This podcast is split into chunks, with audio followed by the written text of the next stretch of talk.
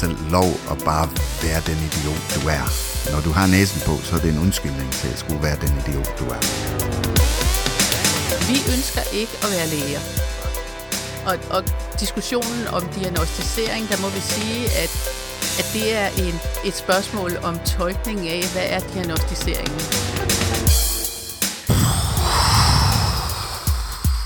Uh. Okay. Det er dag 0. Dagen derpå. Starten på resten af mit liv.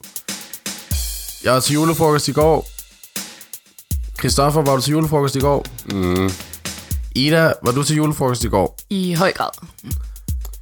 Inden for medicinalverdenen, inden for hospitalsverdenen, der arbejder vi med noget, der hedder VAS-score. Det er en smerteskala fra 1 til 10. Hvor ligger dit hoved, Ida? En solid 8. Mm. Jeg synes også, den der øh, intro var lidt høj. Introen, vi skulle have skruet ned for introen. Det skulle vi nok ikke gjort.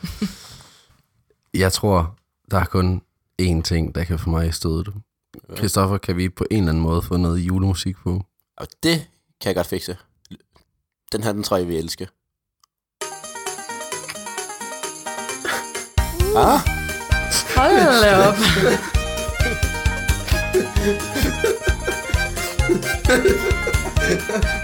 Nej, hvad siger I? nej, nej, vi, skal, vi, skal, vi må have noget bedre på lager. stop, stop. Nej, den det, okay, det beklager jeg. Fik også, inferno. jeg fik også lidt øh, kvalme igen der, faktisk. Ja, jeg gik fra en, en 6'er direkte op på 9'eren på værskalaen. Ja, det beklager jeg. Øhm, Jeg, har, jeg finder noget andet til jer. Ja, okay. Så skal jeg. Ja, det er mere passende. meget bedre. Ja, Ej. kan du skrue lidt op for det? Ja, ja. Dejligt. Det Okay. kan hovedet lige klar. Uh. Mm. Okay. Jeg fik også appetitten tilbage.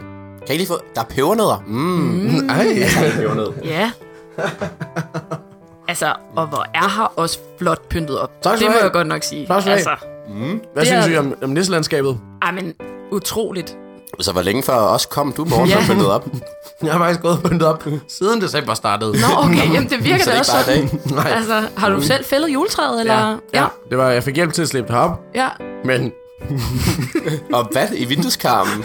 det, Ja. det minder mig om min barndom. ja. Jeg har risengrød ude på komfuret.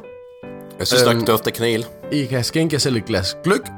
Ej, Og tror jeg ikke, at... Altså, har vi ikke alt, hvad vi skal bruge her lige nu? det har vi. Jeg har... Det er overhovedet ikke dårligt længere. Okay, Jeg er i strålende humør. så lad os komme i gang.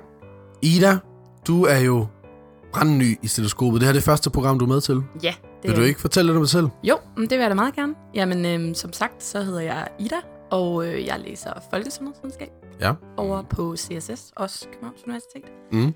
Øhm, og jeg læser på min kandidat i øjeblikket. Øh, og ja, næste år, semester har jeg lige et frisemester, så der er jeg i gang med lige at prøve at finde ud af, hvad der skal ske. Det er jo meget spændende. Nice. Ja, Hvor kommer du fra? jamen jeg er opvokset ude på øen Amager. Uh, Ja. okay. Helt Hvor stor en procentdel af din barndom har du brugt i et matchende træningssæt? Øh, jamen, jeg vil faktisk sige, at øh, det er godt 30 procent. Ja, Ja, jeg tænker nok, typisk jeg nok, jeg har det været i. Under snittet, tror jeg. Det er jo bevidst, at vi har forsøgt at få nogle personer med ind i redaktionen, som laver noget helt andet end læse medicin, så få nogle andre fagkompetencer ind. Det er sindssygt nice, at du er med. Ja, jamen jeg glæder mig også rigtig meget. Mm. Hvis det skulle have gået forbi nogens næse, så er det jo årets stetoskjulestue, vi har gang i nu. Og derfor skal vi selvfølgelig lytte til nogle spændende mennesker. Og jeg glæder mig simpelthen som et lille barn juleaften til at høre, hvad, øh, hvad vi har under juletræet i dag. Ida. Ja, jamen det kan jeg jo fortælle lidt om. Vi har øh, blandt andet Grete Christensen, som øh, kommer fra Dansk Sygeplejeråd, og hun skal snakke om det nye politiske udspil, som de er kommet med omkring en udvidet rolle for, øh, for sygeplejerskerne. Så går vi bagefter videre til Forskningsnyt, og bagefter har vi en, øh, en lille julegodte af Melina Pinkova, der er stifteren af Hjerneeksperten, og hun skal komme også og siger nogle ting, og kommer med en lille julehilsen til os. Og, øh, og først skal vi jo så have øh, en anden gæst. Og hvem øh, kan du sige lidt om det, morgen? Det kan jeg sagtens. Den første gæst, vi har i Stetoskopets Stetoskjulestue 2017, det er Ewan McKinnon. Han er øh, artistisk leder for en NGO, som jeg tror, vi alle sammen kender. De hedder Danske Hospitalsklovne. Og det er jo et øh, fuldstændig forrygende og lidt småskørt projekt, øhm, som I julen sådan. lige julen sådan. Men det vil jeg næsten bare lade ham selv fortælle om.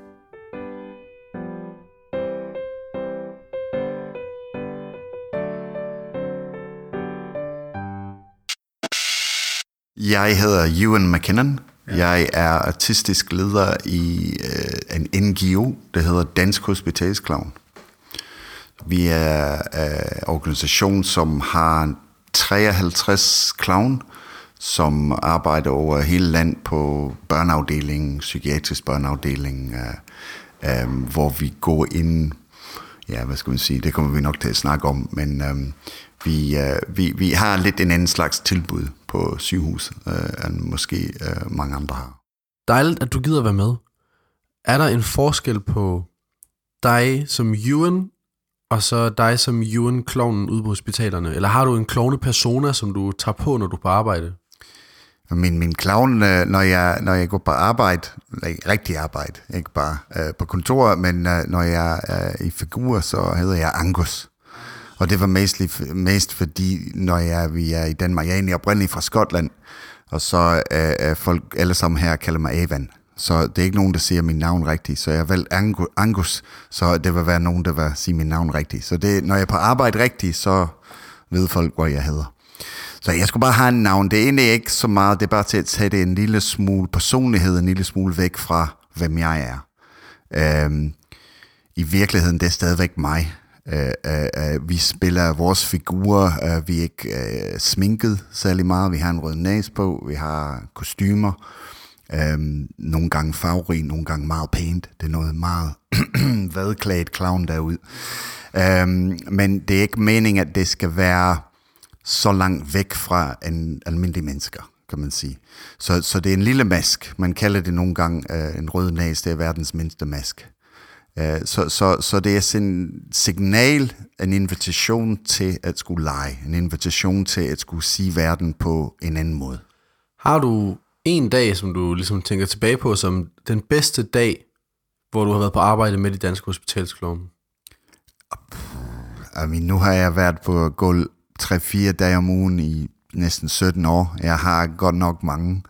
Uh, uh, jeg, jeg synes, uh, det har været så mange smiler, så mange uh, griner, så mange fnisende situationer. For mig faktisk nogle gange den bedste er, når jeg kommer ind i en rum, og så, uh, uh, og så man kan mærke, at det er sådan lidt tung, lidt deprimeret stemning. Og så, når jeg går ud, så er det sådan nogle fnisende mennesker, der egentlig øh, jeg er efterladt. Og man kan høre, at sådan noget, når man gør det, så holder den. Egentlig. Det, det, det, det er noget, der, ja, men det er noget, der, der, der har mening. Egentlig. Det gør, du gør en forskel. Du, men jeg mener, i dag, jeg har været på øh, Bispebjerg. Øh, vi har en projekt på spiseforstyrrelsesafdeling på Bispebjerg Hospital. Og jeg har, det er, det er teenager, øhm, øh, og, og mange af dem er ret, øh, you det er ret tungt at blive indlagt, det er deprimerende, det er, man skal bare snakke om mad stort set hele tiden, og det er ikke nogen af dem, der gider det. Så, så men fra det øjeblik, vi kom ind, det eneste vi så var smilende, smilende mennesker. Så det, det er sådan, vores oplevelse af depression, vores oplevelse af sygdom, det er folk, der sidder og smiler. Fordi det er det, vi møder, når vi kommer ind. Så, så jeg synes, mit, mit, min yndlingsoplevelse, det er bare faktum, at vi får lov at være der. Jeg har haft nogle vanvittige dage. Min, en af mine bedste dage, jeg lånte en elefant fra en cirkus. Det var en cirkus, mon, uh, øh, cirkus uh, arena, var i nærheden af sygehuset. Og, uh, det, og jeg, der var en forælder, der sagde, hvorfor ikke gå op og låne en elefant? Og jeg sagde, jamen, god idé. Så jeg gik op til, til, til cirkus og sagde, jeg har lyst til jeres klovn ned på børneafdelingen, må jeg ikke låne en elefant? Og det sagde, ja, det er en god idé. Så jeg ringte til afdelingssygeplejerske, bedste samtale hele mit liv. Jeg ringte til afdelingssygeplejerske og sagde, hej, det er Angus. Jeg sagde, ja. Så jeg kommer lidt for sent i dag, men øhm, prøv at jeg skal lige, er det okay, jeg kommer på en elefant? Og så blev den helt, helt stille i den anden ende af rør. Fordi hun vidste godt, at det var mig, der gør nar med hende, eller... Så sagde han, ja. Og sagde okay, vi ses om lidt. Og så sidder jeg op, og så kommer jeg op på cirkus, og så kommer vi ned ad gaden, det er på Skyby. Så kommer vi ned ad gaden, Og vi har den sødeste sygehuspræst på Skyby, der hedder Helle. Og Helle har lige stået ud af sin bil, parkeret sin bil, og så har hun gået over vejen, og hun så hun leder efter noget. Og så har hun gået over vejen til den anden side, og jeg sad op på elefanten, og så hun red ned ad vejen. Og så lige der, så stopper hun, og så har hun glemt noget i bilen. Så drejer hun rundt, og lige når han drejer rundt, så kommer jeg som forbi på den her elefant, så siger jeg, godmorgen Helle, og løfter min hat, og hun stod bare med mund hængende åbne, var ah, okay, det var så smukt. Så det var en af de højdepunkter, vil jeg sige. Og så den anden, og så uh, Mongo. Mongo, han hed elefanten. Så lavede han bare verdens største lort lige foran. Jamen, det kommer meget lort ud af en elefant. Så det er en kæmpe lort lige foran indgang til børneafdelingen der. Og uh, vores pædagog, som også hed Helle, hun samlede det op og tog det hjem til sin rosa. Hun sagde, at hendes rosa aldrig været så smuk. Så, men det var en dejlig dag. Det var ligesom, det, det der egentlig skete, var, at vi kom ned, det som kraftafdelingen arbejdede på, Øhm, og så alle børn, det bare kommet udenfor. Det var en dejlig sommersdag. Og alle kom med stativer, og så vi fik jakker på, og det skulle bare ud, fordi nu var den her elefant her. Så vi, vi, vi forandrede dagen til noget helt andet. En af portører, der plejer at komme med maden, han sagde, kom ind på afdelingen. Kraftafdelingen, det er aldrig tomt. Jeg mener, alle dage om året, der er nogen indlagt. Ikke? Så kom, for, han kommer ind, og den, det er ingen mennesker. Han siger, at det har været en brandalarm, uden at han har hørt det, fordi det, det er alle var udenfor, og lige har det her sådan fællesoplevelse, som var det her elefant. Og så, og så kom jeg ned, kom jeg ned fra elefanten, og så ham der, som egentlig styrte elefanten, han tog den hjem igen. Og så jeg gik ind ad døren, som, fordi jeg skulle ind på arbejde, og så gik jeg sammen med afdelingssygeplejersker, og vi kom til sådan en sluse der, hvor døren er lukket, og hun sagde, du kommer i hvert fald ikke herind. Gå nu hjem og vask det tøj der, Men jeg stank elefant. Så, så jeg kom, det var en kort dags arbejde den dag. Men det var det værd. Det var en god historie. Eller det, jeg kan godt lide den selv. Det husker jeg i hvert fald. det er en god historie. Øhm, hvis vi nu tager noget helt konkret og siger, okay, der er en pige, hun har en spiseforstyrrelse. Hvordan går du ind du går ind på stuen, og hvad for nogle tanker gør du der så? Mm. Det, det, det, jeg tænker, det skal ske, er, at jeg skal forsøge at skabe kontakt. Det er egentlig, det, vi har en intention, men vi har ikke nogen plan. Så, så vi, vi, vi skal ikke noget. Men udover at, at, at forsøge at skabe en relation, og så forsøge at tilbyde en anden måde at skulle kigge på ting på. Ikke? Så, så hvis jeg tager en eksempel, der er en pige, øh, øh, som vi arbejder med for tiden, som hun, hun gider ikke rigtig noget som helst med nogen. Hun vil sidde og se fjernsyn, eller hun vil passe sin egen ting. Øhm, og, og, og ser nogle gange sådan lidt meget alvorligt ud. Ikke? Men det virker ikke hver gang, men vi, vi formåede at forstyrre hendes sådan, sådan proces, som hun er i, som ikke nødvendigvis kender ikke så meget til hende, men det er måske ikke, hun vælger ikke at være sådan der. Det er bare det der sygdom, som hun har, der gør, at hun, hun you know, alt er mørkt og tungt, og hun gider ikke. Så, så, så vi finder lidt ud af, om jeg fandt ud af, at hun var rigtig glad for øh, øh, nogle, øh, hvad hedder det, Ringnes Herre. Så begyndte jeg at stille dumme spørgsmål omkring Ringnes Herre, og dem kunne hun bare svare sådan her. Så, så, så lige pludselig har vi det her samtale i gang, og vi er den, ja, jeg er den måde, jeg er på. Så jeg begynder at være dum og skør og bøje den ud. Og så man appellerer til den menneske, den pige, der er derinde, som er ikke den, som identificerer sig selv som syg. Det er bare den pige. Så, så, så Jamen, jeg ved ikke, men det lyder måske nogle gange nogle enkelt, og det er ikke, nogen, nogen, det er ikke noget, at andre ikke gør og en der pædagoger og sygeplejersker, det også prøver at gøre det, men det har en anden formål bagved, hvad det er gør, hvad det, det gør. Vores er kun til at skabe den relation. Og så går vi igen. Så, så, så på en eller anden måde, vi, vi, vi beder om ingenting ud over lidt opmærksomhed, eller smider os ud, eller et eller andet. Ikke? Så, så, så på en måde, vi er nemmere til at skulle kommunikere med, og jeg tænker nogle gange, at, at vi bygger broer til at, skulle, at, at det børn kan komme ud af det sted, hvor det, hvor det er. Det får lov på det somatiske afdeling, for det lov at bare, bare for en lille stund glemme, at jeg er syg med det her, hvad det nu bliver, ikke? og hvad det nu er. Um, eller man, selv, man, man keder sig sindssygt meget, I mean, det, det, eller, eller man er i smerte, eller man, hvad det nu er. Ikke? At man får en lille pause fra det. Og så har vi også den funktion, at vi kan også være med øh, i procedurerne til at skulle hjælpe dem til at skulle mestre det ting, som det skal være igennem. Hvis det er blodprøver, eller plasterskift, eller hvis det skal til en operation, så kan det have en clown med som en, øh, en tourguide, eller du kan finde på, hvordan du vil gøre det, men du kan, vi, vi, vi, vi har haft mange gange på, på den natur fra der, hvor din stue er, ned til operationsgang, det kan være en meget frygt øh, byggende tur. Det længere du, det tættere på du kommer, det værre det bliver.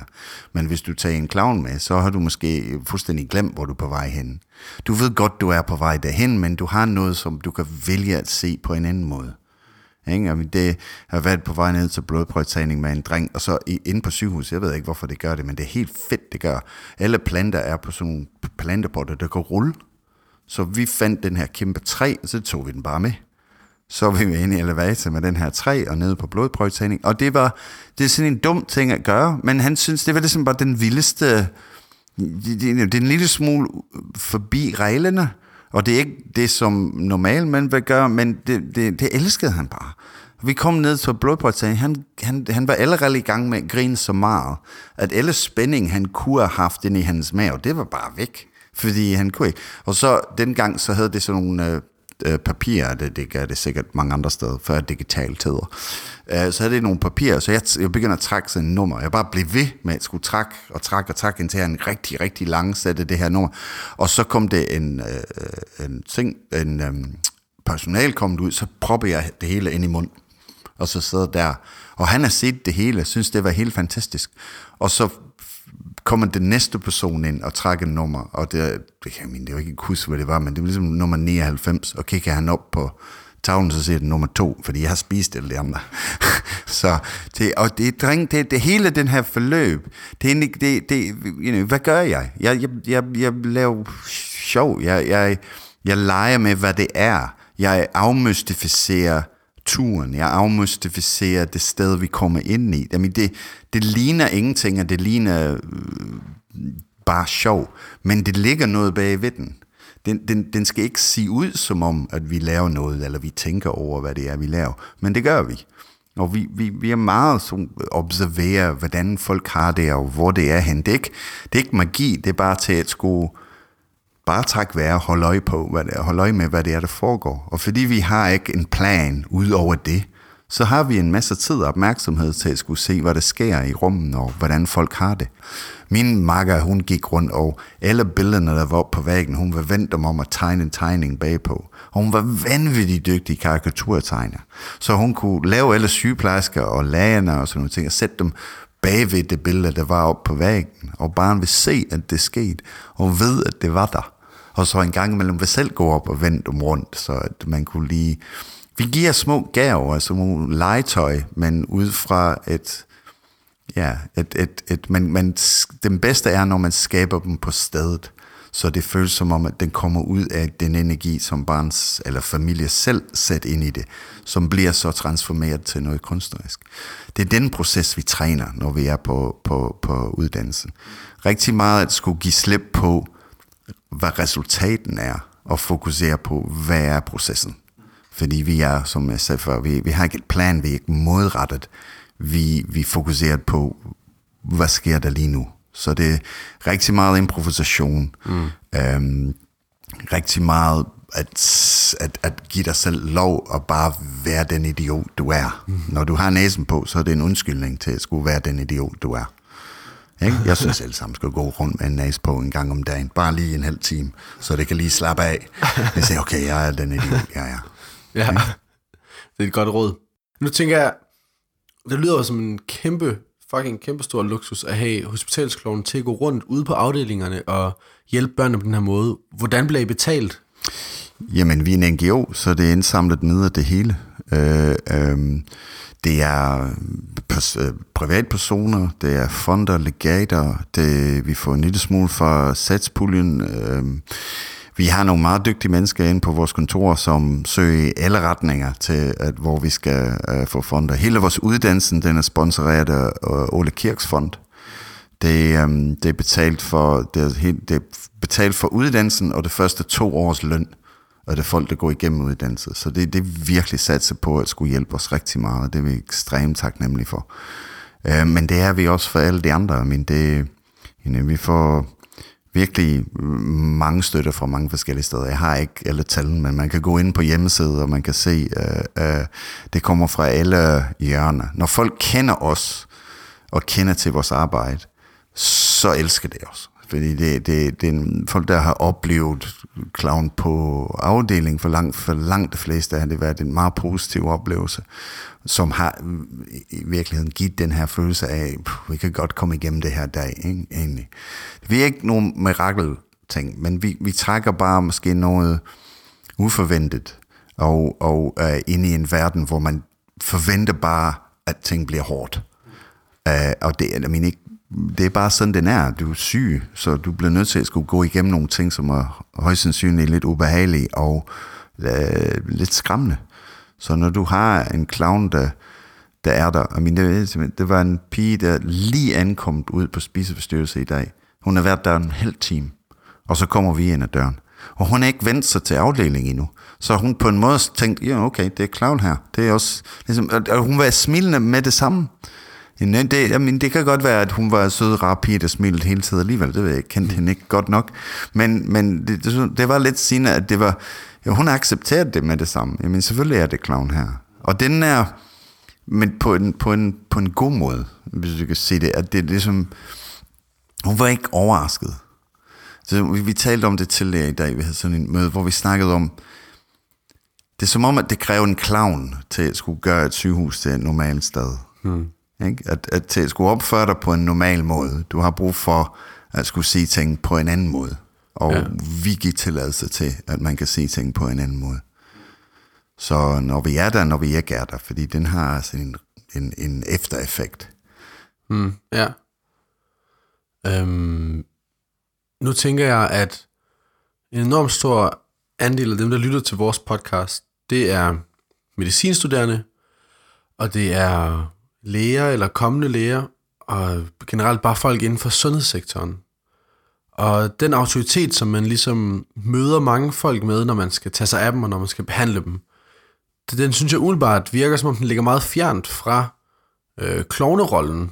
Så øh, har du måske sådan et godt råd, du vil give til, øh, til lægerne? En af mine yndlingshistorier, det er øh, meget kort. Det er, øh, jeg var inde med en pige, som jeg kendte rigtig godt, og det var en ret ny læge, øh, øh, som var inde på afdelingen, som skulle ind og undersøge den her pige.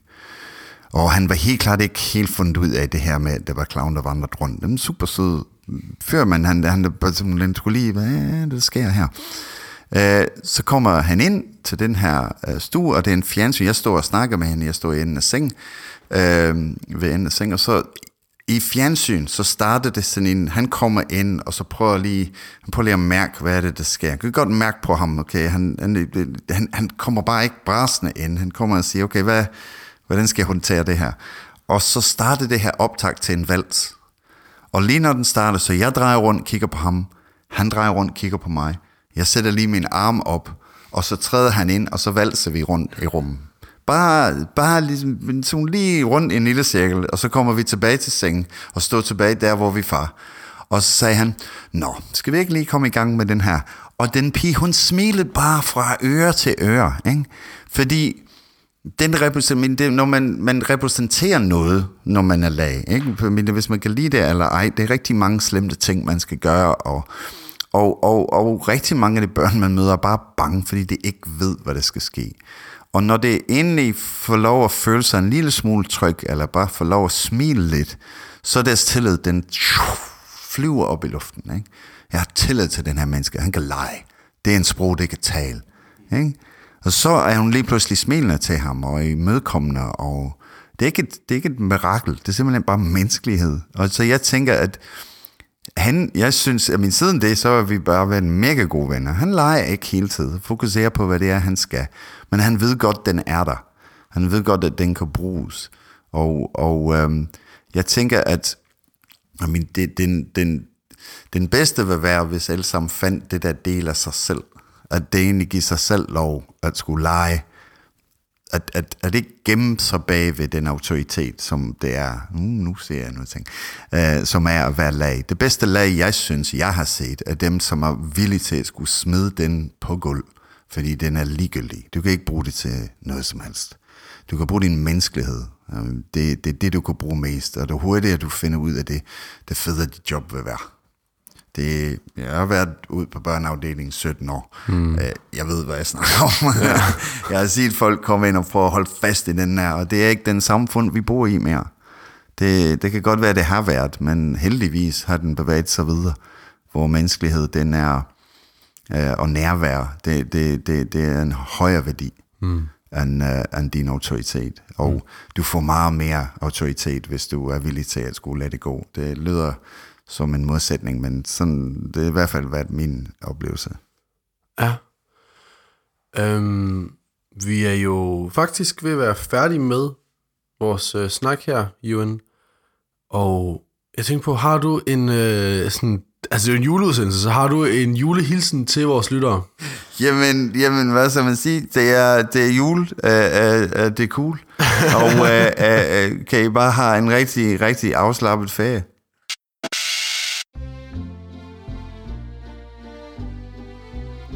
Morten, øh, var Ewan egentlig fuld klovn, mens du snakkede med ham? Nej, det var han faktisk ikke. Uh, han stod ret skarpt på opdelingen af Ewan og så hospitalsklovnen Angus. Ja, det er jo faktisk sådan, at øh, de her hospitalsklovne, de kører 100% på donationer. Så hvis man er lidt i øh, julehumør og har lyst til at, øh, at dele lidt ud af sin, sin juleglæde og sin, øh, sin penge, så kan man støtte hospitalsklovnene. Man kan gå ind på danskehospitalsklovne.dk derfra støtte. Hvis man ikke lige har en computer i nærheden af sig, så kan man også finde sin telefon frem og sende kloven 100 til 1919, og så støtter man med 100 kroner. Du kan også skrive klovn 50 eller klovn 150. Det styrer man selv. Det har aldrig været nemmere at være gavmild. Nej, det har det ikke. Ida, hvad ønsker du dig til jul? Ja, jamen jeg synes egentlig, jeg har overraskende mange ønsker i år, men, men en af dem, det er Det Europæiske Forår, som er en bog af Kasper Kolding. Hvad handler den om? Ja, det er så det, det er jeg ikke helt skarp på, men, øh, men jeg har læst en af hans andre bøger, Den Danske Borgerkrig, og den var rigtig god, så jeg glæder mig meget til at, at læse den her, det hvis et, jeg får den. Det er et godt udgangspunkt for et godt ønske. Ja. Ja, en lille anbefaling til lytteren måske. ja, måske. Christoffer, hvad ønsker du til jul i år? Jeg øh, ønsker mig en DAB-radio, som har indbygget alarm. Jeg er simpelthen... Det værste, jeg ved, det er at blive vækket af min vække, mindre ringetone om morgenen. Ja. Øh, men at kunne blive vækket af radiovisen, det kunne jeg godt tænke mig. Hvad for en ringetone blev vækket af om morgenen? Det er en eller anden, der er indbygget på min uh, iPhone. Ja. Okay. Skal jeg lige kunne sige, hvad den hedder? Nej, også oplagt Hvad irriterende. med dig, Morten? Øh, jamen altså, jeg har jo en øh, bar væg øh, på mit værelse, så jeg ønsker mig et øh, maleri. Det skal være halvanden meter højt og to og en halv meter bredt. Øh, og så har jeg tænkt, det måske kunne fylde sådan en væg ud der. Ja. Ja. Du har ikke nogen præferencer til, hvad der skal på det? Det er bare, bare et maleri, eller? Det er min svigerinde, der skal give mig... Vi giver en julegave. Nå, så det er ikke mig, der skal male det. Vi giver en julegave per mand i min familie. Uh, og det er min svigerinde, der skal give mig en uh, julegave. Hvis hun giver mig et maleri, der er så stort, så har hun vundet julen. Ja, spændende. Der er også en anden person, hvis ønsker vi skal til at tale om. Nå. Og øhm, jeg synes først, vi skal høre en lille bid af, hvem hun selv mener, hun er. Jeg er jo sygeplejerske, ja. øh, og jeg øh, er mor, og jeg mm. er, er ægtefælle, og jeg er mormor. Øh, så Ja. jeg har mange facetter i livet, og jeg har arbejdet rigtig meget med sygeplejen. Det her, det er Grete Christensen. Hun er formand for Dansk Sygeplejeråd, det er altså sygeplejerskernes fagforening. Og hun går og ønsker sig en ganske særlig ting.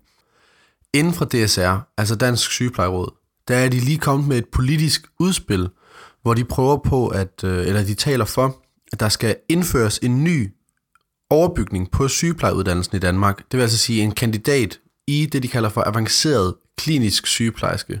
Og det vil altså give de her kandidater mulighed for at tage noget mere ansvar ud på afdelingerne. Og det vil betyde, at det ikke er alle beslutninger, der skal ind forbi en læge og rundes, og det kunne forhåbentlig få tingene til at glide lidt glattere. Og hele det koncept, det forklarer Grete Christensen her. Det er jo et øh, koncept, som vi ser i mange lande i verden. Ja. Øh, det er ikke noget, vi har opfundet. Øh, det er Advanced Practice Nursing, som er udviklet i rigtig mange af de engelsktalende lande, mm. hvor sygeplejersker arbejder på øh, et højere selvstændighedsniveau. De øh, bliver, altså de bliver videreuddannet oven i sygeplejerskernes grunduddannelse ja. til et kandidatniveau. Og, øh, og med den uddannelse, så er de i stand til i højere grad at øh, se helhedsperspektivet for patienten og borgeren, og være den, der sådan øh, følger patienten i forhold til både at observere og følge op på observationerne, og også øh, mange af dem er uddannet til så at have et begrænset felt for øh, ordinationsret, øh, mm-hmm. som øh, de... Så altså ordinær medicin? Ja, ikke ja. at de starter ordinationen, men Nej. at de kan justere på den medicin, der allerede er ordineret af en læge. Mm. Så, så det er ikke et spørgsmål om, at vi vil være læger. Nej. Vi vil rigtig gerne være sygeplejersker på et højere niveau, mm. øh, og udnytte de kompetencer, som sygeplejerskerne i dag har, og som dem, der har fået videreuddannelsen, i højere grad kan udvikle.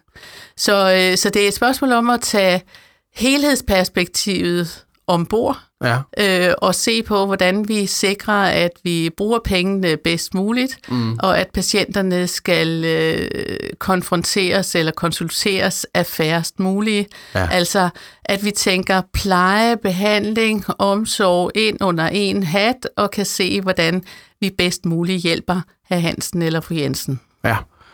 Hvor lang tid er det meningen, den her uddannelse skal være? Almindelig øh, kandidatuddannelse oven på år. vores... Ja. Og hvad er den normale sygeplejerskeuddannelse? Den er 3,5 år? Ja.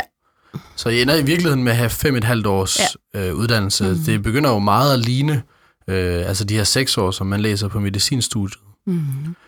Umiddelbart så tænker jeg, at I anbefaler det som en god løsning. Vi har et problem med, at der ikke er nok læger, der vil flytte til udkants Danmark. Mm. Og der er ligesom en primær sektor, der mangler en masse mm. hænder. Og regionerne har været ude at sige, at de synes, det lyder som en god idé. Og OECD anbefaler specifikt, at Danmark kunne øh, mm. tage det her til sig. Og som du selv siger, så er der undersøgelser fra England og fra Holland, som, altså evidensbaserede undersøgelser, som viser, at der er gode øh, resultater, som man kan få ved at begynde at uddanne advanced clinical practitioners, mm. nurses. Mm. Og på trods af det, så efter at I kom med jeres udspil, så var Lægeforeningens formand Andreas Rudkøbing, han var ude og skrive på Twitter, at, mm. uh, citat, diagnostisering og ordination af medicin er lægeopgaver af klare faglige årsager. Alt andet er uforsvarligt. Mm. Og så tænker jeg, det er en tanke, som også hurtigt, det er noget af det første, man tænker på som medicinstuderende, mm. at øh, altså, vi har jo læger, vi har sygeplejersker, og det må der være nogle årsager til. Kan du se, udover at enhver fagforening selvfølgelig prøver at holde så mange opgaver som muligt inden for egen faggruppe, kan du så se, hvorfor er det, at lægeforeningen er ude og kritisere det her forslag? Jamen, jeg kan da sagtens forstå, at når man sidder som formand for lægeforeningen i øjeblikket, så er den første automatreaktion, at øh, hov, hov, ja. nu skal I ikke komme for tæt på. Ja. Øh, men når man så taler om det, og når man taler også med Andreas om, hvad er det for en udvikling, vi ser overalt i verden, mm. så er han jo også enig i, at øh, det er den her vej, det går, og at sygeplejerskerne overtager flere og flere opgaver øh, rundt omkring i, i det samlede sundhedsvæsen. Og vi må jo konstatere, at øh, al den forskning, der er lavet på det her felt, viser, at øh, der er god der er god økonomi i det. Ja. Er rigtig god økonomi. Ja, det kunne jeg godt forestille mig. Øh, og der er også øh, rigtig god mening i det for borgerne. Øh, vi kan se, at øh, flere steder i det nordlige Sverige, nordlige Norge, hvor man arbejder med de her øh, sygeplejerske roller, der er det jo en enorm styrkelse for borgerne, at de har nogen, der har en høj faglighed meget tæt på sig. Så, så jeg har det også sådan lidt, hvor længe kan vi blive ved med at sidde og holde enormt fast i nogle meget øh, firkantede afgrænsninger af, hvad hinanden kan. Mm. Vi ønsker ikke at være læger. Nej. Og, og diskussionen om diagnostisering, der må vi sige, at at det er en, et spørgsmål om tolkning af, hvad er diagnostiseringen. Vi ønsker ikke at diagnostisere sygdomme. Nej. Men vi ønsker og tolke på de observationer, vi gør i forhold til de sygdomme, vi kender, og som er diagnostiseret hos patienten. Så hvad kunne et helt konkret til, altså eksempel Jamen være? forandringen i situationen, altså forværingen i en situation, hvis man er øh, lungepatient eller hjertepatient eller Ja. noget, hvor vi kan se nogle symptomer, som for eksempel øh, forværing i åndedrættet eller noget, mm. hvor, hvor, hvor vi godt ved, at i mange situationer, så er det jo sygeplejerskens observation og tilbagelevering af observationerne til lægen, der gør, at lægen står og tænker, hmm, kan vide, hvad der nu er det rigtige her. Ja. Øh, og i mange situationer, så vil sygeplejersken sige, må ikke vi skulle gøre sådan og sådan? Ja. Øh, og så siger lægen, jo, det er en rigtig god idé. Øh, og her der er det bare, vi siger, at hvis nu vi uddannede sygeplejerskerne til i højere grad at tage det der selvstændige ansvar, Mm. så kunne vi faktisk hjælpe borgerne hurtigere og øh, mere enkelt ved, at det var sygeplejersken, der selv havde muligheden for at træffe den her beslutning. Ja. Så, så det er faktisk, som vi ser det, så er det et spørgsmål om, at vi formaliserer, og at vi uddanner nogen til at have tage det her højere ansvar, større ansvar. Ja. At vi øh, faktisk gør det, vi godt ved fungerer mange steder i praksis i dag, Ja. men, men som ikke er formaliseret, og hvor lægerne altid bagefter vil stå og sige, men det var jo mit ansvar, Ja. at du gjorde sådan og sådan. Ja. Hvor vi siger, i dag gør sygeplejerskerne det på trods. Mm. Vi ønsker, at de gør det på grund af, at de har retten til selv at kan give den fulde behandling til patienterne. Mm. Og vi ønsker ikke, at man skal kunne ordinere nye præparater, eller begynde behandling med nogle nye ting, eller noget som helst. Altså, det her, det er meget, meget roligt Ja. og meget afgrænset. Mm. Så, så jeg synes, øh, hvad er det, der er særligt i Danmark, siden vi ikke ønsker at udnytte den mulighed, som man faktisk kunne bruge her, Ja. som de kan se i alle andre dele af verden, som, som en god løsning. Mm. Altså, det spørger jeg bare om. Men har lægeforeningen så været ude at trække deres kritik tilbage? Ej, Nej. Nej. altså, det var jo en Twitter. Ja. Altså, det går jo stærkt på Twitter. Jamen, det gør det. Øh, så nej, øh, det, det tror jeg er et spørgsmål om, at øh, selvfølgelig øh, skal det her også modnes Ja. i lægeforeningen. Og det har jeg fuld forståelse for. Mm. Øh, det, jeg synes, der er vigtigt nu, det er, at både øh, en række kommunale ledere Mm. øh, og også politikere rundt omkring siger, at det her, det bliver vi altså nødt til. Vi Ja. bliver nødt til at arbejde i den her retning. Og, øh, og nu har, øh, har banet vejen for, at vi får en, en formel uddannelse i Danmark. Ja. Det er jo sådan, at der er otte danske kommuner, som har sagt, at de gerne vil forsøge at få stablet den her efteruddannelse på benene. Mm. Og det er jo, altså det er blandt andet København og Aarhus og Odense og Aalborg, så det er de helt store byer. Mm. Øhm, men hvis man skal uddelegere mere ansvar, så er det vel ikke så, altså det er jo ikke så simpelt som bare at åbne en ny uddannelse og efteruddanne. Så hvad er stemningen inde i Sundhedsstyrelsen? Det er jo dem, der i sidste ende vel skal give jer øh, handlekraften ude i øh, primærsektoren. Altså, jeg må sige, det bliver ikke Sundhedsstyrelsen, der bliver vores problem, fordi Nej. Sundhedsstyrelsen har jo faktisk sammen med et politisk flertal for nu en del år siden øh, været meget enige i, at det var en god idé at lave det her. Det blev så aldrig til noget, fordi man ikke kunne finde pengene til det på det tidspunkt. Okay. Så når man starter det her ud i øjeblikket, så, så tænker jeg, at øh, det er der faglig opbakning til øh, rundt omkring mm. øh, i, i de øh, organer, som skal ligesom øh, give øh, øh, retten til det. Ja. Øh, og, øh, og jeg tænker, at øh, lige nu der er det et spørgsmål om, at de her kommuner øh, får arbejdet videre med at få formuleret det her, og at Aarhus Universitet får øh, beskrevet uddannelsen som øh, en gren af den kandidatuddannelse, de allerede øh, gennemfører i øjeblikket. Så hvornår kommer vi tidligst til at kunne se avanceret klinisk sygeplejersker ude, i, uh, ude hos borgerne?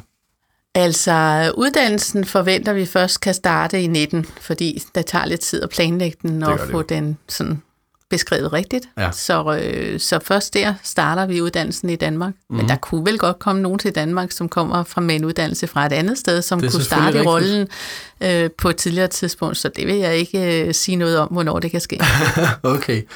Jeg tænker nu, at vi vil være færdige, og jeg vil høre dig, om du har en afsluttende kommentar, måske en, øh, en ting, som du vil ønske, at de medicinstuderende vidste, som øh, du kan sidde som formand for Dansk Sygeplejeråd og sige til dem.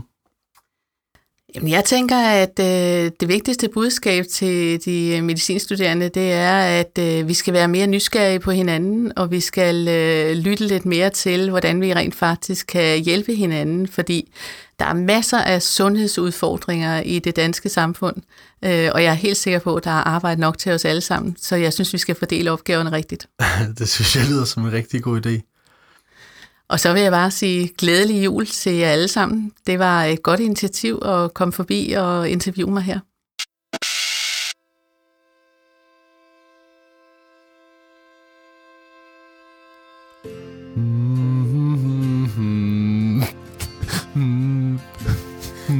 Der er virkelig kommet julestemning i studiet nu. Ja, Morgen har fået et glas lyk.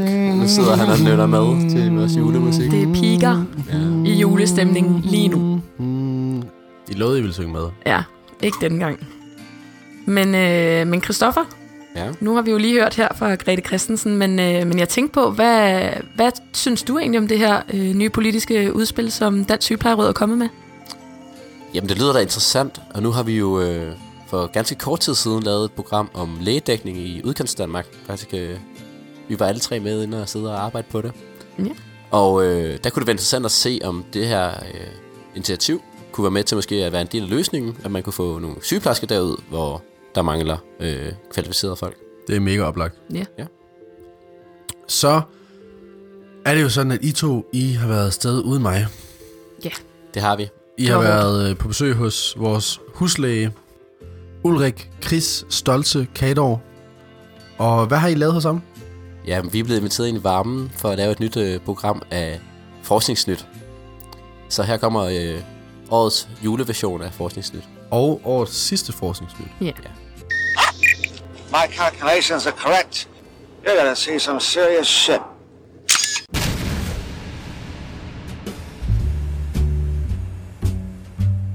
Så er vi endnu en gang blevet skudt ind i Forskernyt, og Forskernyt den her gang, det skal jo have et juletema, ligesom øh, resten af programmet. Det er et par måneder siden, vi har haft Forskernyt sidst, men jeg ønsker mig, at der kommer endnu mere af det næste år. Øh, og jeg har jo taget Ida med i studiet, Hej. og Christoffer, God eftermiddag. og så hedder jeg selv Ulrik. Og vi starter over hos dig, Christoffer. Ja. Du har taget en artikel med om julemanden. Det har jeg i øh, dagens anledning, julens anledning. Mm. Jeg har så øh, tolket lidt bredt på øh, Forskningsnyt. Det er måske nærmere forskningsgammelt. Øh, det er en artikel, der stammer helt tilbage fra 91 nemlig. Ja. Men øh, stadig øh, ikke mindre relevant. Nej, slet ikke. Det er jo lidt et øh, nyt felt, kan man sige, den her, det her forskningsfelt, og det, det har ikke været på paletten så mange år, så det er en af de sådan, tidlige first movers inden for, for det her forskningsfelt. Ikke? Det er det. Det og øh, vi nok tror faktisk stadig på julemanden, så på den måde er det jo også stadig relevant. Ja. Eller, vi snakker i hvert fald om ham. Så der er nogen, der tror på ham. Forhåbentlig. Det er en, jeg synes, det er en vigtig hypotese i hvert fald, som man skal overveje. Ja. Men de, øh, det stammer fra det her meget øh, high impact blad, som hedder Spy Magazine, som har prøvet sådan øh, videnskabeligt og statistisk at gå til værks øh, i forhold til at skulle øh, bevise julemandens eksistens. Mm-hmm. Ud fra det grundlag, vi- hvor vi ligesom kender ham, altså hvad, hvad det er for et erhverv, han driver. Øh, og de tager så fat i nogle forskellige problematikker og undersøger, om, om det ligesom kan lade sig gøre. Og noget af det første, de starter med i artiklen her, det er at snakke om hans øh, flyvende rensdyr. Om, det er, øh, om de virkelig kan eksistere. Øh, og på trods af- trods af meget søgen har vi jo stadig ikke fundet nogen flyvende rensdyr. Øh, men som de siger, er der, øh, regner man med, at der stadig er omkring 300.000 arter i verden, som man ikke har opdaget endnu. Og blandt dem kunne der jo principielt godt være flyvende rensdyr. Det kunne da jo godt. Det kan man ikke udelukke. Så det, det er usandsynligt, men det er ikke umuligt. Mm-hmm. Godt. Men så går de videre til, øh, til nogle andre ting, og det er... Øh, de snakker lidt om, øh, hvor mange han skal ud og besøge og give gaver til. Og her anslår de, at der er omkring 378 millioner kristne børn i, øh, i verden. Og det er selvfølgelig kun de, de kristne børn, som de tager med her, fordi det er jo også der, der fejrer jul. ja, Øh, okay. Så der har han lidt nemmere arbejde, han ikke skal ud til alle religioner. Har de taget hensyn til, om de har været slemme eller gode? Det tænker jeg jo lidt, øh, er lidt har de julemandens faktisk øh, gjort, ja. arbejde at gøre. De, har, de, har, de anslår, at øh, omkring 15 procent har været slemme. De, Okay. de kommer ikke ind på, hvor den antagelse kommer fra. Nej, jeg skulle til at sige, det er et meget specifikt tal lige. Ja, det kan være noget erfaring i forhold til deres egne børn. Mm. Eller, Nogle, er det, nogle gange er det jo bare sådan, når man skal videre i forskning, så bliver man nødt til at lave nogle antagelser, og så se, okay, på, den, på grund af den her hypotese, mm. hvad kan vi så se? Ja, der er simpelthen 15 procent. Og hvad er slem, og hvad meget skal der til? Ja. Det er svært at vide det, ikke? Ja, der skal de have nogle eksklusions- inklusionskriterier ja. for slemhed blandt dem, der er under 18. Men det, det må vi give dem. Ja. Derudover laver de, an- anslår de, der omkring 3,5 børn per husstand. Så det giver altså i alt de her 91,8 millioner husstande, som julemanden skal besøge i løbet af juleaften. Okay. Men som de skriver, har han jo så selv også øh, lidt mere tid at løbe på, fordi der er jo faktisk 31 timers juleaften, hvis man øh, vælger at rejse fra øst til vest øh, med sådan noget solen og jordens drejning og sådan noget. Ikke? Så, øh, så han får lidt ekstra tid at løbe på her. Men det giver alligevel, øh, at han øh, skal besøge 822,6 husstande i sekundet. Okay. Hvor hurtigt skal han så flyve rundt? Jamen altså, øh, hvis man øh, ikke regner med, at den tid, han bruger på at kravle ned igennem skorstenen og lægge gaven under træet og lige kysse mor på kinden og op igen. Hvis man fraregner det, Spise en kage og... Ja, ja, præcis, spise, spise risengrøden, som man har lagt til ham, Nå ja. så skal han rejse med gennemsnitsfart på 1046 km i sekundet. Mm. Øhm, og det er pænt stærkt. I, for, også i forhold til, som de skriver, at øh, almindelige rensdyr altså har en tophastighed på omkring 24 km i timen. Ja, men det er jo de arter, vi kender det, til. Det er dem, vi kender Ja. til, Ja, ja. men det, det, det er bare en lille sjov lille øh, ekstra ting, de kommer med der, ikke? Jo, jo. Øh, og altså, hvis man skal sætte øh, den her hastighed i relief, så øh, svarer det til lidt mere end øh, 3000 gange lydens hastighed. Okay. Det er alligevel en del. ja, så skal man godt Og nok. det, det problematiserer det yderligere øh, ved, at de også øh, begynder at snakke lidt om øh, vægten af den her øh, slæde, som skal flyve igennem øh, himmelhavet mm-hmm. med, øh, med den her hastighed. Øh, de regner med hver gave, at øh, den vejer omkring et kilogram. Det er sådan, ikke, det er sådan en almindelig gavestørrelse. Ikke for stort, ikke for småt. Og det svarer til, at han så har en, øh, en, en vægt på øh, 378.000 ton i gaver. Øh, og som de siger, så er julemanden jo heller ikke helt letvægtig i sig selv. Det går dog rygte om. Øh, et almindeligt rensdyr kan trække øh, små 150 kilo, og som de så, laver de nyt estimat og siger, det er jo ikke almindelige rensdyr, jeg gør her. Så vi siger, de kan nok trække 10 gange så meget som et almindeligt rensdyr. Wow. Men så skal han stadigvæk bruge Det er over... virkelig en super race af rensdyr, vi er ude i her. Ja, det er det. De På mange- flyve på mange punkter, ja. Men så skal han stadig bruge over 200.000 rensdyr for at trække sin slæde. Hold da op, det er mange navne, han skal finde på der, Ja, ikke? Altså, det han har jo kun de der for Prancer der- og Rudolph og sådan noget. Men Altså, øh, Ja. Rudolf er virkelig en kendis, når man tænker over det, ikke? Altså, en blandt 200.000. Ja. Der er mange, vi ikke har hørt om endnu. ja, der skal skrives nogle sange. Ja, det må man sige. Men altså, det giver så den her vægt på, øh, på omkring 353.000 tons bare i rensdyr. Øhm, så, og så kommer alle de her ton oveni, som vi snakker om tidligere. Hvis man så ligesom lægger det sammen med den her enorme fart, han rejser med, så, øh, som, øh, som de siger, så bliver udviklet en, en kolossal eno- øh, mængde af varme. Det er jo sådan rent øh, fysik. Øh, så øh, hvis man regner lidt på det, som de har gjort, så øh, svarer det til, at alle de her 200.000 rensdyr, de vil faktisk være døde inden for 4,26 tusindedel af et sekund. Vil de være brændt op med Ja. den fart og den vægt. Og hold da, ja. Så, øh, er alligevel sørgeligt. Ja, Jeg vil dog jeg. sige, at det udelukker ikke helt af, af noget, jeg i hvert fald har faldet, af jeg, og jeg er faldet over her på det sidste stykke tid, og da, i det, jeg sådan skulle læse om emnet her, så, øh, så faldt jeg over, at, øh, at nogle norske forskere faktisk var kommet på banen i forhold til det her emne i 2004, og sagde, at altså, hvis julemanden havde tænkt lidt længere over det her, så kunne han jo godt have udstyret rensdyrene med et ionskjold med lavet partikler. Øhm, og så ville han faktisk godt kunne modstå varme. Både ham og rensdyrene Okay. skulle selvfølgelig have det her skjold på sig. Så den, er, interessant, den du, udelukker du det ikke nævner ham, fordi det kommer de faktisk også ind på. De, øh, de estimerer, at han vejer omkring 115 kilo. Det er måske lidt let i forhold til, hvor stor han ser ud på billederne. Men øh, med den her hastighed, så vil han altså blive udsat for en øh, centrifugalkraft på øh, næsten 2 millioner kilo pers- personligt. Ja, Øh, okay. Så det, der konklusion er på den her artikel, er simpelthen, at øh, hvis julemanden rent faktisk eksisterer, som vi kender ham, så vil han allerede være død. Det er også. Ja, det er konklusionen. det er da tidligt, Okay. tidligt for julen at, at lave den udmelding. Ja, det er Altså, jeg ked af. Jeg Ja. håber ikke, børn, jeg sidder børn og lytter med. Nej, advaret, det skulle vi have advaret om Ja. før, og det er vi ked af. Det er vi ked af. Men altså, vi kan også sige, at, øh, at det er måske lidt kynisk bare at gå ud og sige, sådan, julemanden eksisterer ikke. Men ja. nu har vi taget en lidt mere skeptisk vinkel og sagt, okay, hvis vi sådan ligesom opstiller den hypotese, er det så plausibelt med de her forskellige antagelser. Ja. Og, og det du siger, at det, det er ikke plausibelt på nuværende tidspunkt. Ikke, ikke med, med øh, den natur, vi kender. Nej. Men øh, jeg ved, at øh, hvis vi nu siger, alle de ting kan godt lade sig gøre. Han har, han har fundet på jonskjold og alle mulige andre smarte ting. Øh, så er det jo stadig ikke en sund livsform, han, han lever. Jeg ved, du har kigget lidt nærmere på hans livsstil. Ja, helt klart. Det er jo et sundhedspodcast, det her, og, og derfor så tænker jeg vel også tænke lidt over, altså nu siger du så, at han allerede er død, men hvis han ikke er død, så, øh, så har han altså nogle andre, altså han har nogle risikofaktorer for- forbundet med det her øh, arbejde, som han bliver, begiver sig ud i, øh, hvor vi har rimelig god dokumentation for, at, øh, at det ikke er sundt. Øhm, der er jo den her særlige måned, som jeg er i nu, hvor julemanden lægger et ekstra stykke arbejde, og øh, man må forvente, at det inkluderer øh, natarbejde, og, øh, og at det ligesom han normalt arbejder han jo ikke, så lige pludselig så ligger han rigtig, rigtig mange timer. Der har vi jo øh, veldokumenteret, at det nedsætter den forventede levetid. Mm. Og det mener man blandt andet er, fordi at man øh, går og snakker om natten. Så, og det kan man jo også godt lidt se på ham, at han måske har nogle kardiovaskulære risikofaktorer, øh, plus sin høje alder. Øh, Altså, altså det han, grød, der blev sat til ham. Ja, Ja, det er altså præcis. mange husstande og mange grød, han skal 91 igennem, må man sige. Ja. Ja, og han startede sit liv som helt øh, almindelig dødelig biskop i 400-tallet, men efter at have blevet helgen og så videre, 1700 år, det er alligevel noget, der virkelig øger risikoen for, at man får noget artrose og Ja. øh, får noget, noget, hvad hedder det, kardiovaskulær risiko og noget overforkalkning og så videre, ikke? Så øh, derudover, så er det jo forbundet med tunge løft. Øh, normalt plejer man at sige, arbejde, der er forbundet med tunge løft, der burde man have en nedsat periode på arbejdsmarkedet, og han har altså været i gang i flere hundrede år.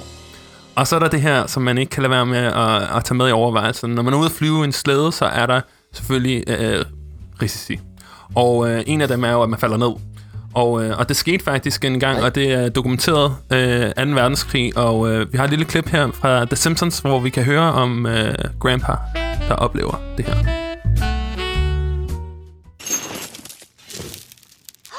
It's Santa! Grandpa, what are you doing in the chimney? Trying to kill Santa. What's it to you? What do you have against Santa? He screwed me over back in WW2. Ja, og Grandpa her, det kan være, at han oplever det her med at blive screwed over by Santa, fordi at uh, Santa har været sådan lidt ude og været presset i den her måned, ikke stresset. Uh, og der er faktisk også uh, god evidens for at leve uh, og arbejde i et stresset miljø. Det øger risikoen for uh, psykiatriske lidelser, blandt andet OCD. Uh, og det har vi set andre beviser på, blandt andet i uh, sangen uh, Santa Claus is Coming to Town, som uh, vi også lige har et klip med her som bevismateriale fra Mariah Carey.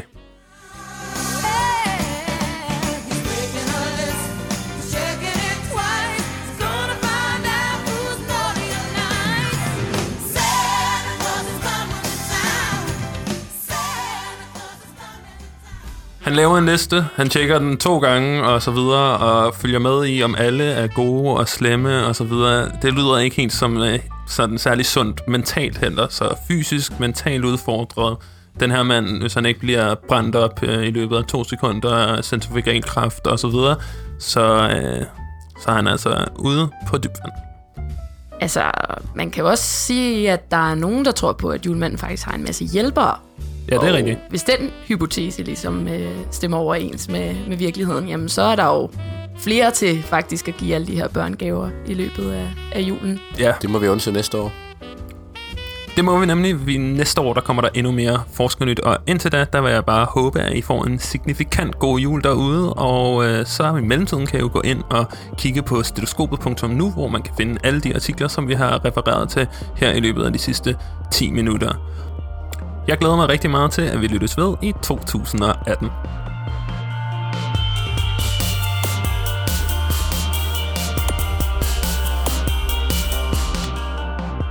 Så er vi faktisk ved at være ved øh, vejs ende for vores juleprogram, og vi er også ved at være ved vejs ende for stetoskopet 2017. Sikkert år, det har været.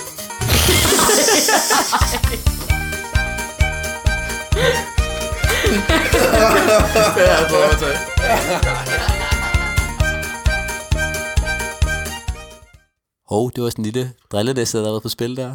Flot, Christoffer. Tusind tak for den. Der kommer lige en anden musik her. Øhm, så vil vi gerne sige tusind tak for, at I lyttede med. Vi vil lige runde af i studiet her, inden at vi øh, lader Milena Penkova få det sidste ord. Så ikke, ikke, ikke kun tak for, at I lytter med i dag, men tak fordi I har lyttet med i hele 2017. Det har været et øh, mega sjovt år at lave øh, stetoskopet i, og det har været øh, fedt at få en masse nye kræfter ind. I to er jo begge to kommet ind her i løbet af 2017. Så, til alle jer, der har lyttet med, trofast eller fra en gang imellem, så øh, tusind tak, fordi I gider. Det gør det meget sjovere for os at vide, at der er nogen, der sidder på den anden ende. Ja. Og øh, I to is også væsentligt bedre ud, end I gjorde, da vi startede. Jeg har det bedre. Det Ja, går har I det bedre. bedre? Ja, det må man Skal sige. I også noget her øh, senere i aften? Ja, altså jeg skal jo til endnu en julefrokost, så øh, mere mad og mere drikke og mere, alt meget mere hovedpine i morgen. Amagerpine. Yes, det kan man godt. Super. Og så skal I selvfølgelig også huske øh, derude, at øh, I kan følge os på øh, diverse sociale medier. Mm. Og øh, som er helt nyt, så er vi også kommet på Twitter. Jeg har fået stetoskopet på Twitter, at Stedo Podcast var ledigt sindssygt. Uh, der er så mange vigtige personer derinde, at jeg nogle gange lige ved at jeg selv er vigtig. Det er du. Du skal ikke sætte det lys under en skæbe, Morten. I må have en rigtig glædelig jul derude. Og Morten, glædelig jul. Glædelig jul, Ida. Glædelig jul. Glædelig jul, Ida. Glædelig jul, Christoffer. Glædelig jul, Christoffer. Glædelig jul, Christoffer.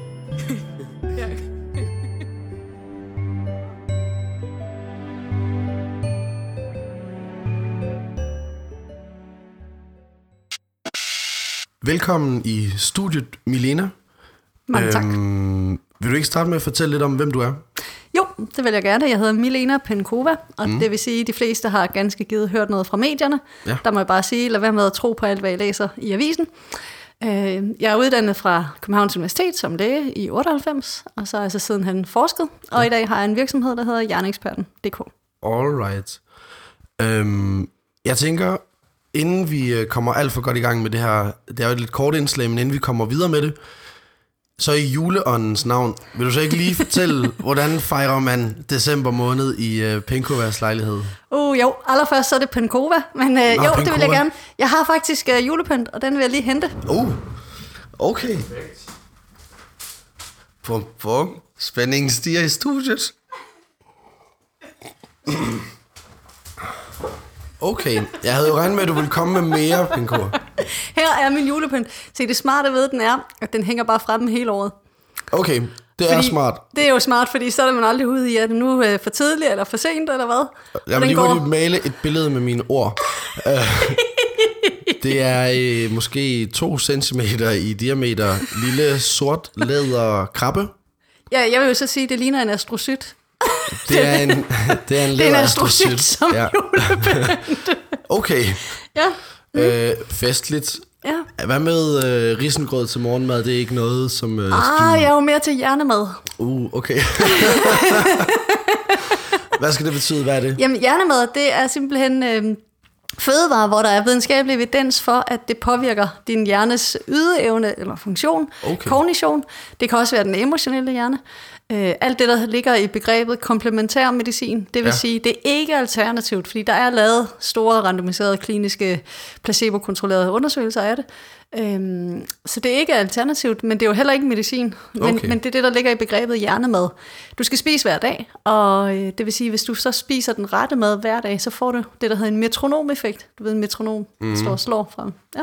Så får du en lille effekt hver dag, som i det lange løb kan gøre rigtig meget for hjernen, og for for eksempel hukommelse, indlæring, overblik, ro, øh, at du ikke bliver stresset. Mm. For eksempel når medierne, det er bare, når det bare vælter løs, Når det, når det giver den gas derude. så står du, og så kan du så stå, har du noget at stå imod med. Ja.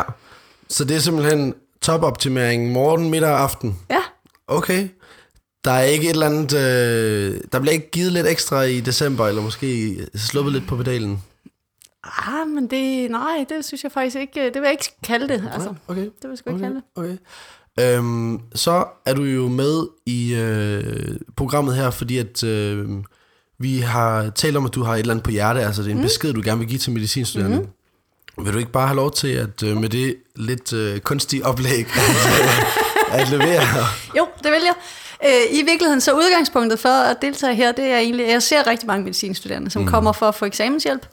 Og størstedelen, de kommer simpelthen, fordi de er bange for at dumpe. Eller også så er de måske dumpet mere end en gang, og nu skal man simpelthen bestå for ikke at blive stridet ud af studiet. Og noget, der går igen hos rigtig mange, det er usikkerhed. Usikkerhed på, sådan, hvordan skal det hele gå?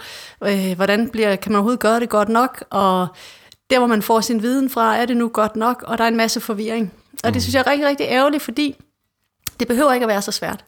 I udgangspunktet skal man aldrig gøre op, fordi det her, det er verdens bedste uddannelse. Det er simpelthen den bedste uddannelse. Man kan aldrig kede sig med den her uddannelse. Lige meget, om man vælger at være lønmodtager på sygehuset, eller sidde i industrien og forske, eller sidde på universitetet og forske, eller være noget tredje eller fjerde underviser, så er det altid sjovt, fordi man kan lave så mange ting. Og selv hvis du, hvis det hele vælter, altså lad os bare sige, hele korthuset vælter, mm, jeg er selv et godt eksempel, så kan du stadigvæk lave noget, der bare gør dagene super fede med den her uddannelse. Mm. Du kan lave en virksomhed, du kan sætte dig ned og skrive bøger, øh, du kan tage rundt og holde foredrag, det er også rent, hvad skal vi sige, indtjeningsmæssigt væsentligt bedre, end at bare være lønmodtager, hvis man går op i det. Ja. Øh, men det betyder bare, at livet er altid sjovt med den her uddannelse. Så mm. derfor, dem der går og tænker, åh, jeg kan nok ikke det her, jeg er nok ikke god nok, og jeg bliver ikke nogen god læge, sådan må jeg aldrig tænke. I skal bare tænke, jo, men jeg skal bare lige hen over den her næste eksamen, skal det nok blive sjovere. Det er den fedeste uddannelse, altså. Det er jo øh, fedt her i øh, december måned er en mørk tid, og vi går eksamenerne i møde så tænker jeg, at alle de velmenende ord, man kan få, de er velkomne. Og øh, det er meget inspirerende, når man snakker med dig. Du er jo en af de, altså en af de personer, der har været mest i medierne inden for sådan forskningsverdenen, og det har været kon, øh, kontroversielt. Og på trods af det, så øh, sidder du stadigvæk tilbage med en følelse af øh, hvad? hvad Jamen i virkeligheden, i virkeligheden så kommer der en dag, hvor jeg bliver nødt til at sende et takkekort til de journalister, der egentlig står bag hele den der hets, som jeg vil kalde det, der har været i medierne. Mm. Jeg bliver nødt til at sende dem et takkekort, for var det ikke for dem og alt det ravage, de har skabt, så havde jeg ikke lavet den virksomhed, jeg sidder i nu. Øh, og det havde bare været brændærgerligt, fordi hold op, var det fedt. Alle mine år på universitetet, hvor jeg var laboratorium rotte, der har jeg altid sådan tænkt, at man burde, hvis jeg nogensinde skulle lave noget andet, så ville jeg lave lige præcis den her type virksomhed, jeg har lavet nu. Men jeg ville aldrig have gjort det, hvis ikke jeg var blevet skubbet ud i det. Øh, så i virkeligheden, så vil, jeg, så vil jeg næsten ikke have været det for uden al balladen. Og det siger ikke så lidt. ja, det må jeg sige. Det. Men det er faktisk et godt eksempel på det her med, hvorfor er vores uddannelse den bedste uddannelse. At du kan mm. altid skabe dig et, et ny niche, et nyt liv. Der er lige så fedt som dengang jeg gik rundt og troede, at nu havde jeg bare verdens bedste liv. Ja. Det tror jeg også, jeg har nu. Mm. Og det er virkelig min pointe til alle, der er på medicinstudiet, og nogensinde må tvivle om det er det rigtige. Det er det rigtige. Øh, I skal bare kæmpe på, altså. Alright, så er der givet en, øh, et velmenende råd og en opsang mm. her i december måned. Vil du ikke øh, bare til sidst ønske vores lyttere en øh, god jul? Kom med en julehilsen. Det vil jeg i hvert fald. Jeg ønsker mig rigtig, rigtig glædelig jul og et fantastisk nytår. Og så ellers bare nyde jeres faglige liv, fordi det er bare det fedeste i hele verden.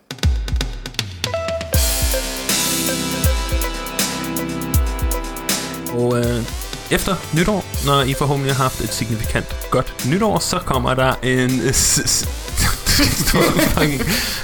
Gå tilbage igen, Christoffer. Og så glæder jeg mig til, at vi skal høre sådan noget ved ned. Sned. Han står ret skarpt på opdelingen af Ewan og så hospitalsklonen Angus. Ja, okay. Ja. ja. ja. Det Men det er jo... måske godt. Ja. Ja, det forstår man måske godt. Så ikke tage klovnen med hjem. du skal aldrig tage klovnen med hjem. Som også er øh, den faste øh, vært på Forskningsnyt. Prøv lige at sige det igen. Bare som, og, som også Bare er... Hvad sker der? Bare... Nej, det er bare at sige det. okay. Um, som også okay. altså, Ida skal til julefrokost, okay? Tror ikke, at... Altså, har vi ikke alt, hvad vi skal bruge her lige nu? det har vi. Jeg har... Det er overhovedet ikke dårligt længere. Okay. Jeg er strålende humør. Jamen, øhm, Først og fremmest, velkommen til dig, Ida. Jo, tak. Du er jo øh, lige kommet med i stetoskopet. det er aggressivt, det er lige nu.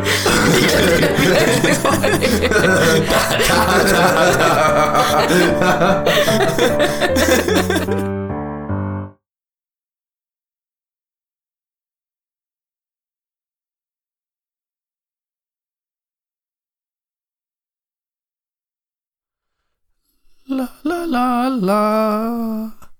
La, tak, Morten. La, ja, det, la, tak for den lille skønsang der. La, la, la, ja. La, Stemningen går højt i studiet. Ja, det må man sige. Det piker lige nu, tror jeg faktisk. Vi har, vi har fået et lyk. Ja. Og nok er det. La, la, la, men øh, ja, men, men Christoffer. det, skal vi ikke, det skal vi ikke beholde det her. Nej.